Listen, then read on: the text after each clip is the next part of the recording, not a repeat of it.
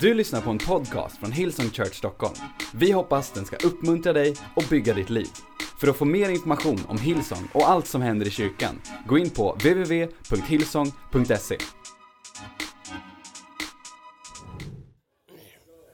Alright, jag ska hoppa in i dagens uh, uh, undervisning därför att uh, det är tre, tre predikningar igen. All right?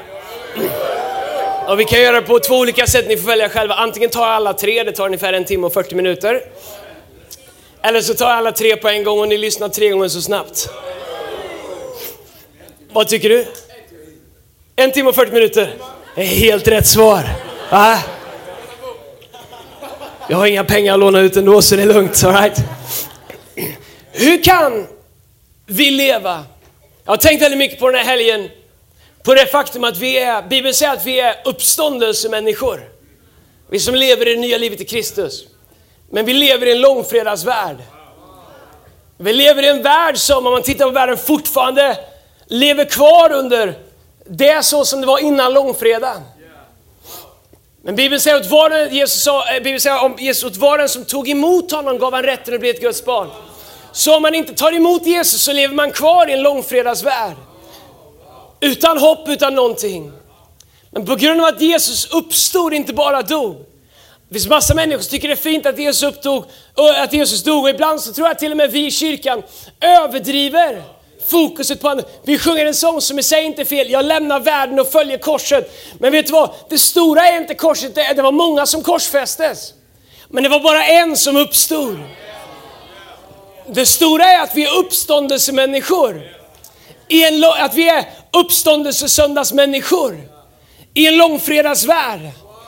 Vad innebär det att leva som uppståndelsemänniskor? Uppståndelse, kan du säga uppståndelsesöndagsmänniskor tio gånger om du kan? Vad innebär det? Jag tänkte vi skulle ha lite evening college här.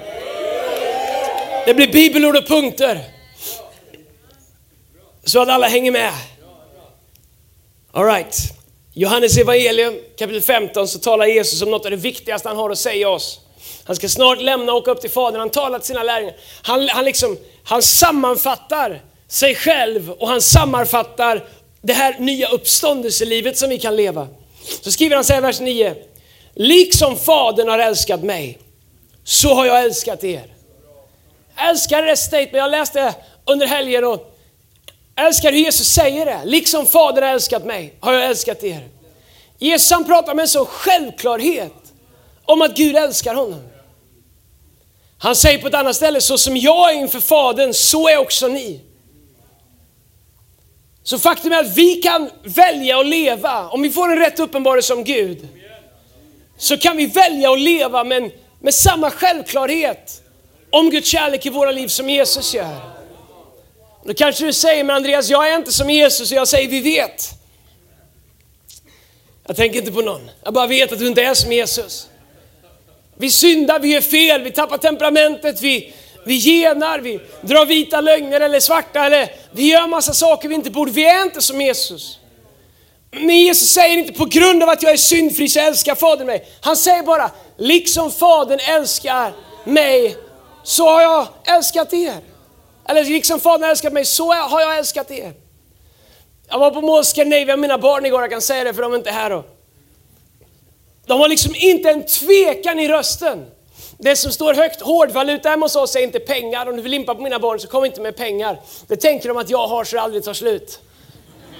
Nej, om du verkligen vill bli deras vän så köp ingredienser till slime. Linsvätska, raklödder, lim, clear glue allra helst, alright? Och de vet att eh, en flaska lim på Panduro kostar en hundring ungefär. Så när de står och ska betala igår så har min äldsta dotter ett kort som vi kan föra över lite pengar på när de behöver betala.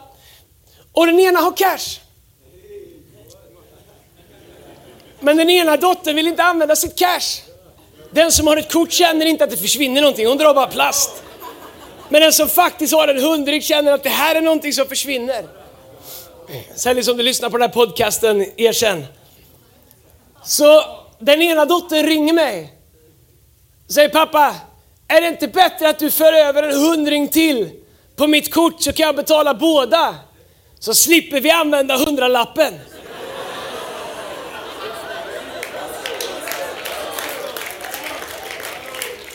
De, de har fattat, så som pappa Andreas älskar dem.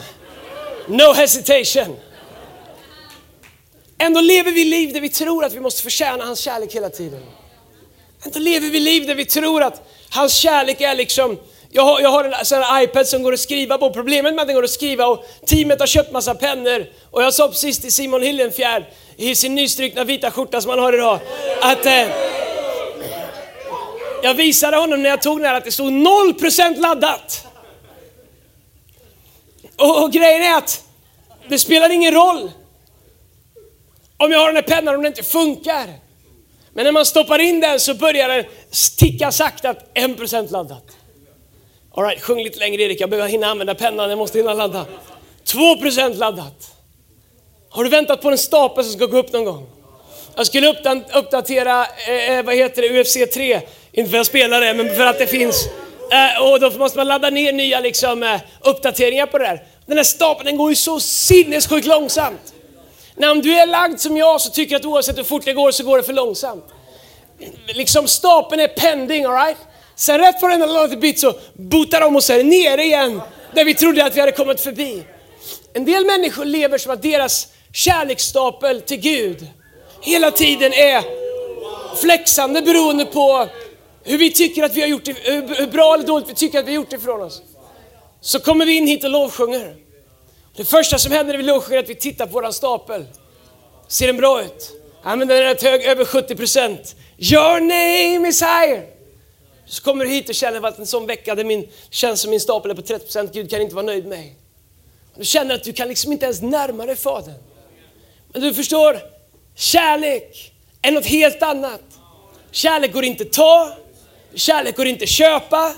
Kärlek man tar kallas övergrepp, kärlek man köper kallas prostitution. Kärlek måste ges. Okej? Okay? Och i Johannes 3 och 16 så deklarerar Jesus redan att ty så älskar Gud den här världen att han gav den sin enda son. Att Gud redan har gett. Att stapeln är uppfylld, inte av våra gärningar utan av Gud. Gud fyllde våran kvot, han fyllde våran kärlek så att vi fick tillträde till Gud genom vad Jesus gjorde för oss. Du förstår att leva ett liv där vi tror att vi måste fylla våran kvot är att leva ett långfredagsliv. Religiösa ledare, religiösa människor. Lagen sa, om du gör tillräckligt bra så kan din stapel komma upp. Om du hedrar din far och mor, och inte begår äktenskapsbrott, om du inte ljuger, och om du inte mördar, om du inte gör alltihop det här. Det finns en berättelse som handlar om en ung rik man. Han kommer till Jesus och säger, allt har jag hållit. Det han säger, min stapel är full. Jesus en sak saknas. Du bryr dig inte om någon annan än dig själv. Så även om man enligt lagen hade fyllt sin stapel så räckte det inte inför Gud. Lärjungarna säger, vem kan då bli frälst? De har inte fattat någonting. Att vårt liv med Gud kommer ner till våran uppenbarelse om att vi älskar för att han först älskade oss. Så när Jesus säger, liksom Fadern har älskat mig, så är det med sån självklarhet. När vi får en uppenbarelse om uppståndelsesöndagen, så kan vi också säga, liksom Fadern älskar mig. Du kan ställa dig i spegeln morgon och säga, haha, liksom Gud älskar mig. Du kan glida in på jobbet, gör inte det för de tror du är ett freak och säga, liksom Gud älskar mig är jag här. När läraren säger, vem är du? Jag är den som Gud älskar. Okej, okay, kan du vara snäll och ställa tillbaka katetern?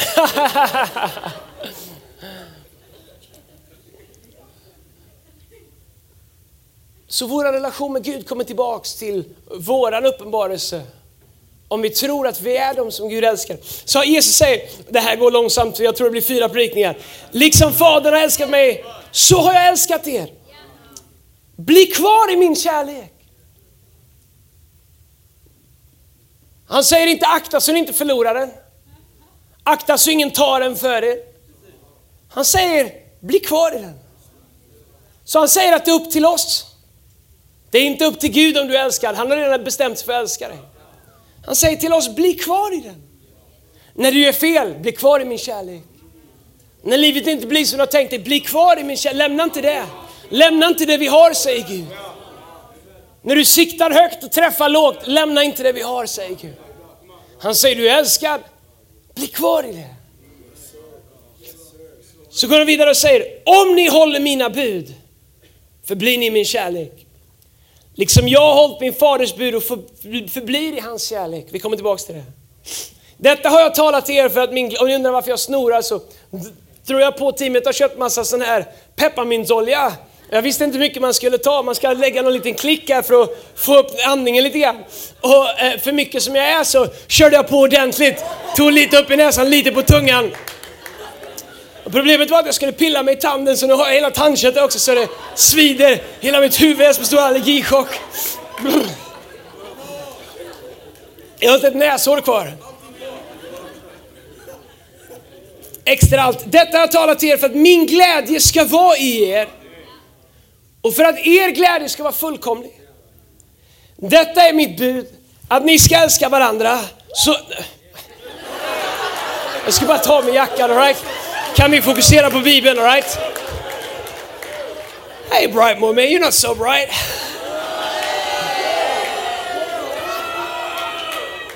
You are bright. Detta är mitt bud, att ni ska älska varandra så som jag har älskat er. Lyssna här. Ingen har större kärlek än han som ger sitt liv för sina vänner. Så Jesus han talar om sig själv och han talar om oss. Han säger ingen har större kärlek än han som ger sitt liv för sina vänner. Och så säger Jesus att, att vi ska bli kvar i den här kärleken. Låt mig bara bryta ner det här bibelordet ta ut några rader ur det här bibelordet. Hjälpa dig att förstå. Titeln på den här predikan eh, som har 18 minuter kvar heter Störst av allt är kärleken. Det är ett ord som vi pratar om, men vad betyder det egentligen? Det var inte soldater som spikar upp Jesus på ett kors, det var hans kärlek som spikade upp honom på ett kors. Det var inte människor som höll Jesus i en grav, det var hans kärlek som höll honom i graven. Det var inte djävulen som drog ner honom i dödsriket, det var hans kärlek som drev honom ner i dödsriket för att ta tillbaks himmelrikets nycklar. Det var kärleken som fick honom att fyllas av liv igen och komma uppstå så att vi kan få del av den kärleken. Så Jesus säger, liksom Fadern har älskat mig, så har jag älskat er. Det betyder att Jesus har redan gett dig sin kärlek, gett mig sin kärlek. Att Gud redan har bestämt sig. Här är grejen, du har inte vunnit Guds kärlek. Så du kan inte förlora Guds kärlek. Jag vet inte om du vet hur det brukar gå för lottovinnare. Leksand, vi ligger under lite grann i matchen mot Mora. Vi har match halv åtta ikväll så det blir inget långt one hour power. Tex Williamson, vår målvakt, vann en miljon på Bingolotto och han har inte varit sig själv sedan dess. Men det är någonting med människor som aldrig har haft pengar, jag pratar inte mer om Tex, människor som aldrig har haft pengar, som får några miljoner. Vet du hur vanligt det är att de som vann miljoner, eller i USA till och med miljarder, efter några år är fattigare än de var innan de vann? Därför att de hade, inga, de hade inte verktyg för att hantera det. Och de kände inte att pengarna hade något riktigt värde. För de hade vunnit dem. Det man har vunnit kan man förlora. Men vi har inte vunnit Jesu kärlek. Det var inget vi gjorde. Det var inte så att några fick rätt på Lotto och fick hans kärlek. Det var inte att några var tillräckligt bra. Vi har inte vunnit hans kärlek. Han gav den till oss långt innan vi bad om den. Han gav oss sin kärlek innan vi föddes. Eftersom vi inte har vunnit kärleken så kan vi inte förlora den. Eftersom vi inte har förtjänat den så kan vi inte bära oss så illa åt att vi förlorar den. Utan Gud bevisade sin kärlek till oss medans vi ändå var syndare, säger Bibeln. Så ingenting kan skilja oss från hans kärlek, säger Bibeln. Inte ande vare sig i himlarymden eller, eller under, under jorden. Ingenting på jorden, ingenting skapat. Inget kan skilja oss från hans kärlek, säger Bibeln. Inget kan rycka oss ur hans hand. Du kan välja att leva i den eller inte leva i den. Men du kommer aldrig förlora hans kärlek.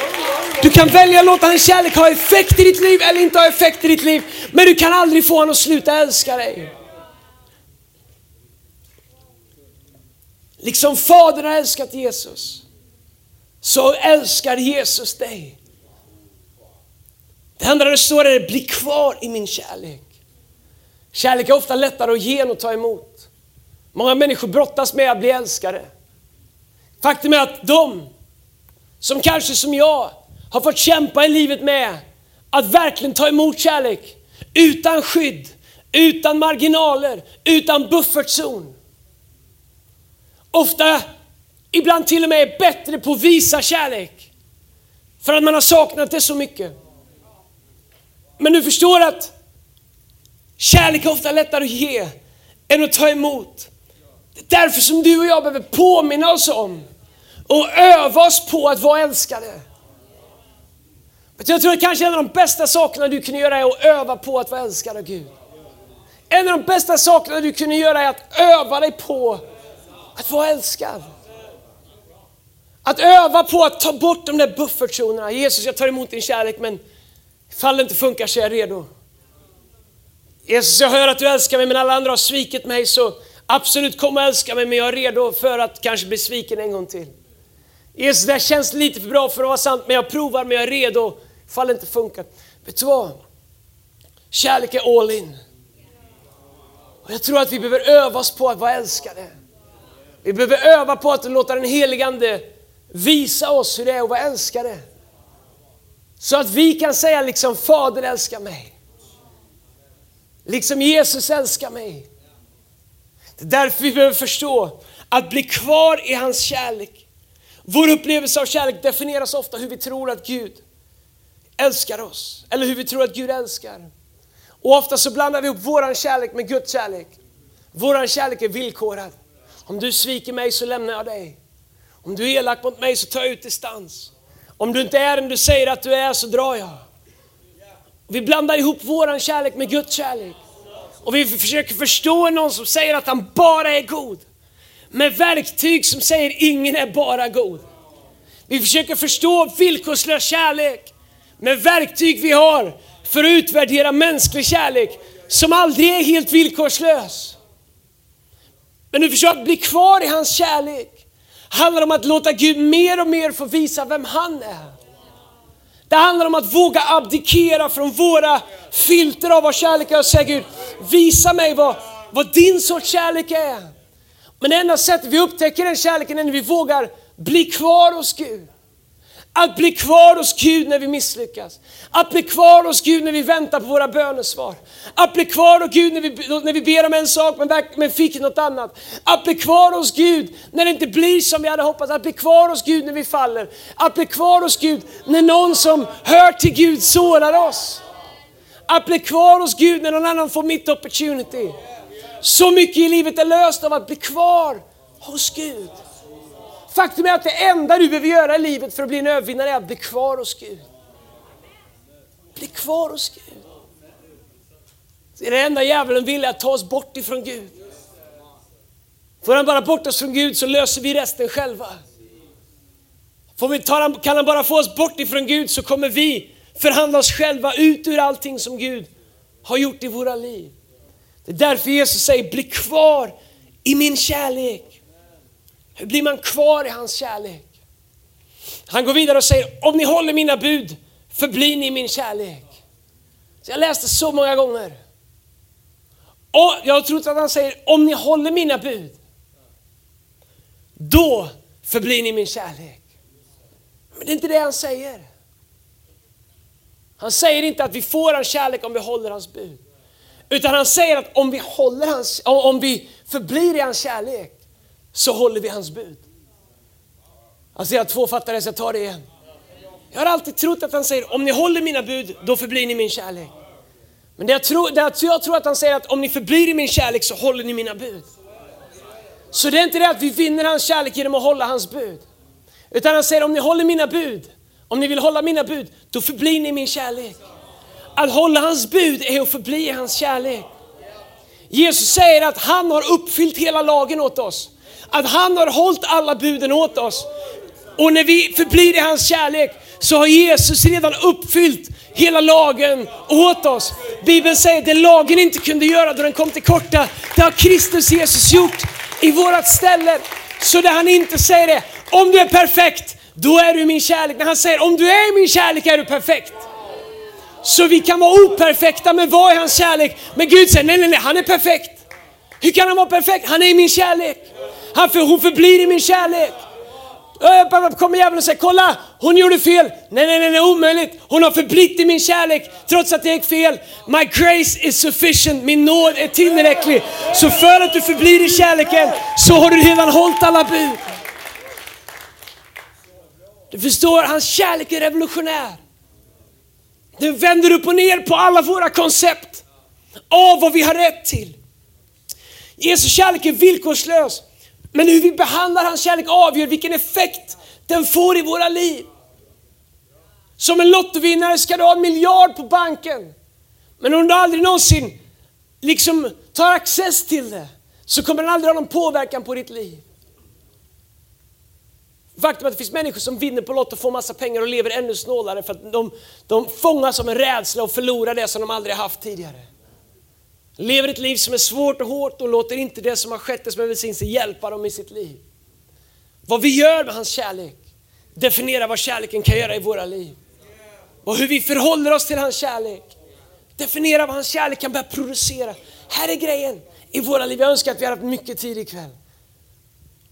Allt som är bra i ditt liv är en produkt av hans kärlek. Du säger, nej, nej jag har verkligen kämpat, nej, nej, du är inte så bra. Jag har verkligen skärpt mig, ja tack det är bra men det hjälper, det räcker inte. Det är bra att du försöker, Guds kärlek och dina försök, kanon. Men allt som är bra i våra liv är hans kärlek, varför? Därför att Bibeln kallar det för frukt. Allt i våra liv som påminner om Gud, säger Bibeln är frukt. I Johannes 15 så säger Jesus att ni är grenarna och att Jesus säger att han är trädet. Om vi som grenar förblir i stammen, som är Jesus, så ska stammen låta våra grenar bära frukt. Så allt som är bra i våra liv är ett resultat av att vi är connectade i hans kärlek. Det innebär att allt vi behöver göra är att förbli i hans kärlek. Förstå hans kärlek, att Gud är kärlek. Om ni förblir i mig, säger han, så ska min kärlek bära rik frukt i er. Han säger i Johannes 15, om ni förblir, om ni stannar hos mig, om ni stannar i mig, då kommer den jag är börja arbeta hela era liv. Hur säger Andreas, jag har kämpat nu två veckor, inget har hänt. Stanna kvar hos Jesus. Du kanske inte tycker något händer, men jag ser knoppar på dina grenar. Jag ser knoppar på dina kvistar.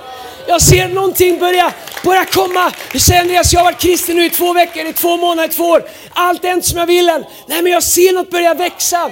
Du förstår, vi skapar inte växten. Allt vi gör är att stanna kvar hos Jesus. Förbli i hans kärlek. Nu säger Andreas, det här året, jag har gungat fram och tillbaks. I know, men stanna bara hos Jesus. För om du stannar hos Jesus, om du förblir i hans kärlek, så kommer hans kärlek bära frukt. Det är inte du som producerar rättfärdighet. Det är inte du som, predik, pro, som producerar ett övervinnande liv. Det är inte du som producerar Guds likhet. Det är inte du som gör dig mer lik Jesus. Det är han, när du förblir i hans kärlek, som börjar synas genom ditt liv.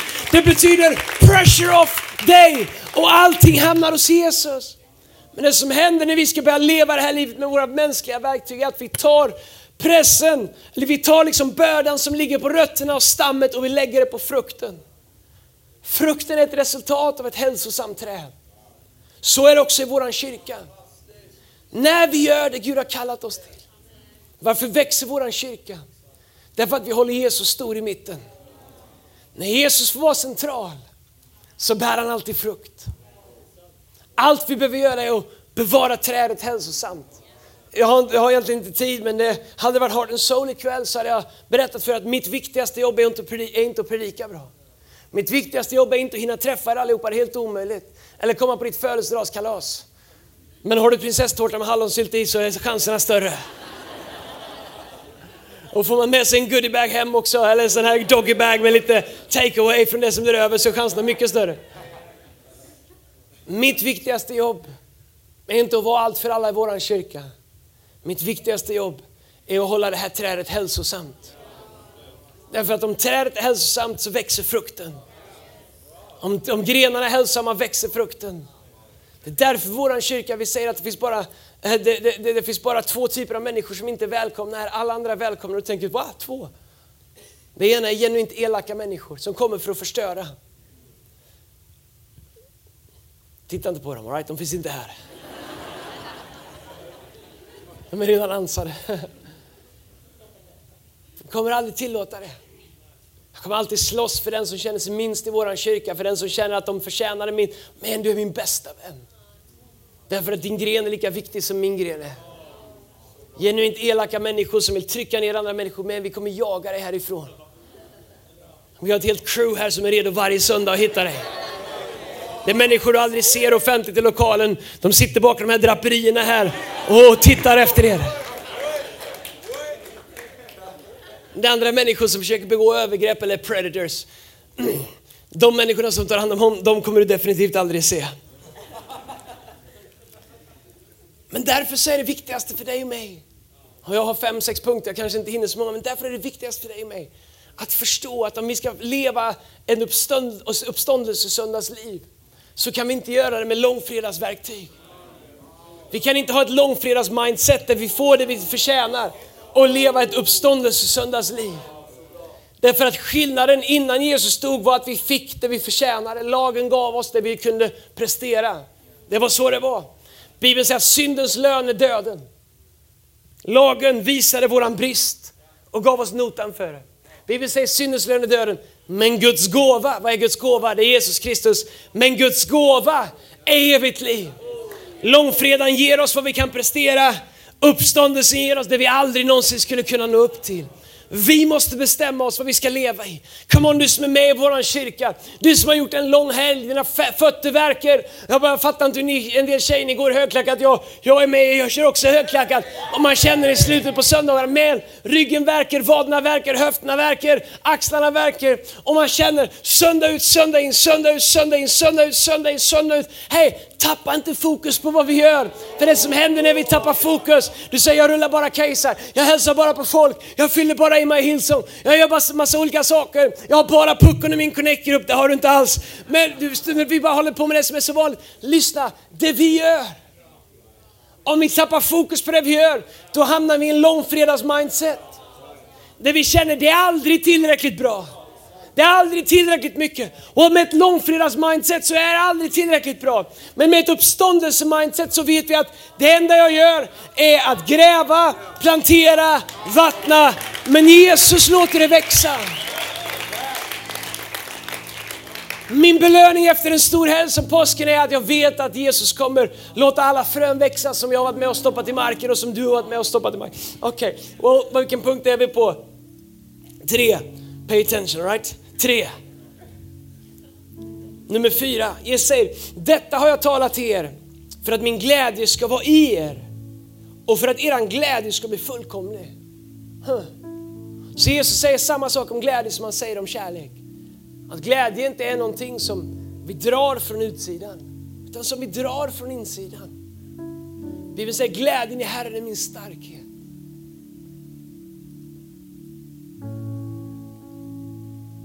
Tänk mycket på glädje. Är det skratt?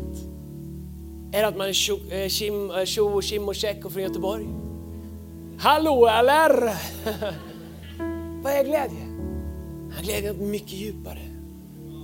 Glädje är en djup tillfredsställelse som bottnar i en vetskap om att jag är okej. Okay. Så glädje är något djupare än att alltid le, än att alltid känna att saker går min väg. Glädje är en djup tillfredsställelse. En djup vetskap som leder till en tillfredsställelse om att han som har börjat ett gott verk i mig, han är rättfärdig och trofast, han kommer fullborda det. My hope is built on nothing less than Jesus love and righteousness, faithfulness, holiness, vad du vill. Se var glädje kommer inifrån. Bibeln säger under sång och dans ska de säga, alla mina källor har jag i dig. Vi ska ösa vadå? Med fröjd, med glädje. Ur vart? Ur frälsningens källa säger Bibeln. Så Bibeln säger att vår glädje är connectad till vår frälsning. Vår glädje är connectad till vår bild av Gud. Vår kärlek, vår glädje är något som Gud lägger på insidan av oss som är som en brunn som vi kan dra Hur kan glädjen i Herren vara min starkhet när det inte finns någonting där ute som gör mig glad? det, är inte, det är inte det som gör mig glad som är min starkhet. Det är vad Gud har gjort på insidan av mig som är min starkhet. Min glädje kommer inte från om mitt lag vinner, om jag vinner budgivningen av lägenheten, om hon sa ja eller nej till en dejt. Min glädje kommer någon annanstans ifrån. Min glädje kommer utifrån det som Jesus har gjort. Den är permanent, han har lagt den där. Den är oberoende av omständigheter. Jag har varit i de mest sjuka omständigheterna men ändå känt en känsla av glädje. Därför att omständigheterna definierar inte det. Bibeln säger att liknar glädjen vid olja. Och glädjens olja, talar om glädjens olja, att olja, olja är smörjelse, smörjelse är den heliga Ande. Så glädjen kommer ifrån den heliga Ande. I oss. Så glädjen är den heliga Ande. Kärleken är Gud, Gud bor i oss, den heliga Ande fyller oss. Alla er som blir döpta, kom 19.00 ska vi be för att ni, ni som blir döpta i vattnet, att ni också blir döpta och fyllda med den heliga Ande. Eller kom allihopa som inte har blivit fyllda med den heliga Ande. Att bli fylld av den heliga Ande, att bli fylld med glädje, fylld med kärlek, fylld med kraft, fylld med frälsningsvisshet. Det är något som Gud gör i oss. Uppståndelse, kristendom, levs inifrån och ut, inte långfredagskristendom levs utifrån och in. Det är så hjärtskärande att se fina människor försöka leva ett liv med Gud med långfredagsverktyg. Kämpande. De håller hårt i livet, håller hårt i sin bibel, de håller hårt i, sina saker, de håller hårt i sin kallelse, de håller hårt i allting. De håller, de håller, de håller, de håller, de håller, de håller. Allt som lagen sa att vi skulle göra. De skärper sig, de sköter sig, de skyndar sig. Men då är de aldrig tillfredsställda. När Jesus säger så som Fadern älskar mig, älskar jag er.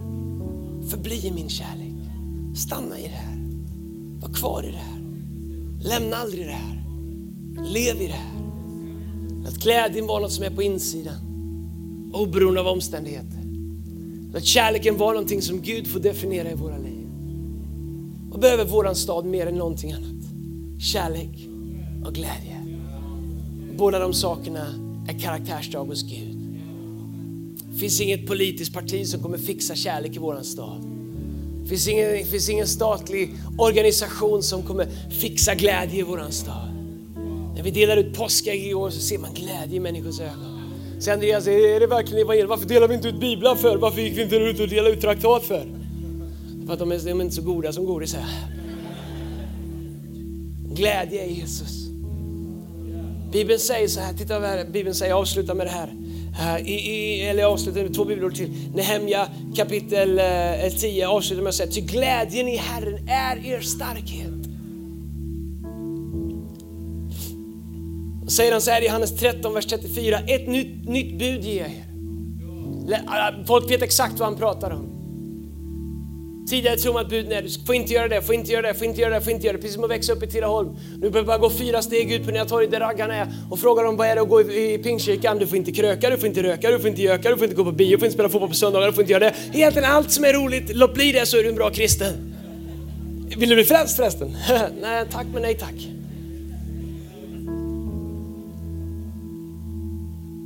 Så Jesus säger allt det där ni säger, man måste hålla ett nytt bud i er, säger han att ni ska älska varandra.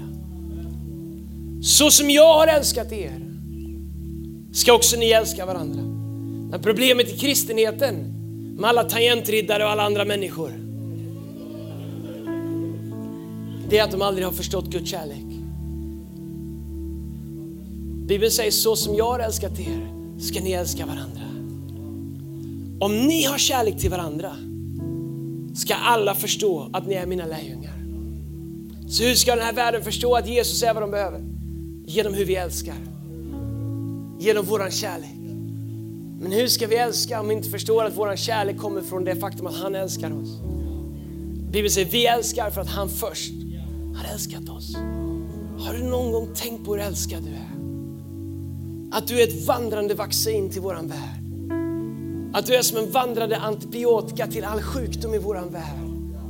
Att du är Guds recept till din arbetsplats för frid, kärlek, mening med liv, med allting.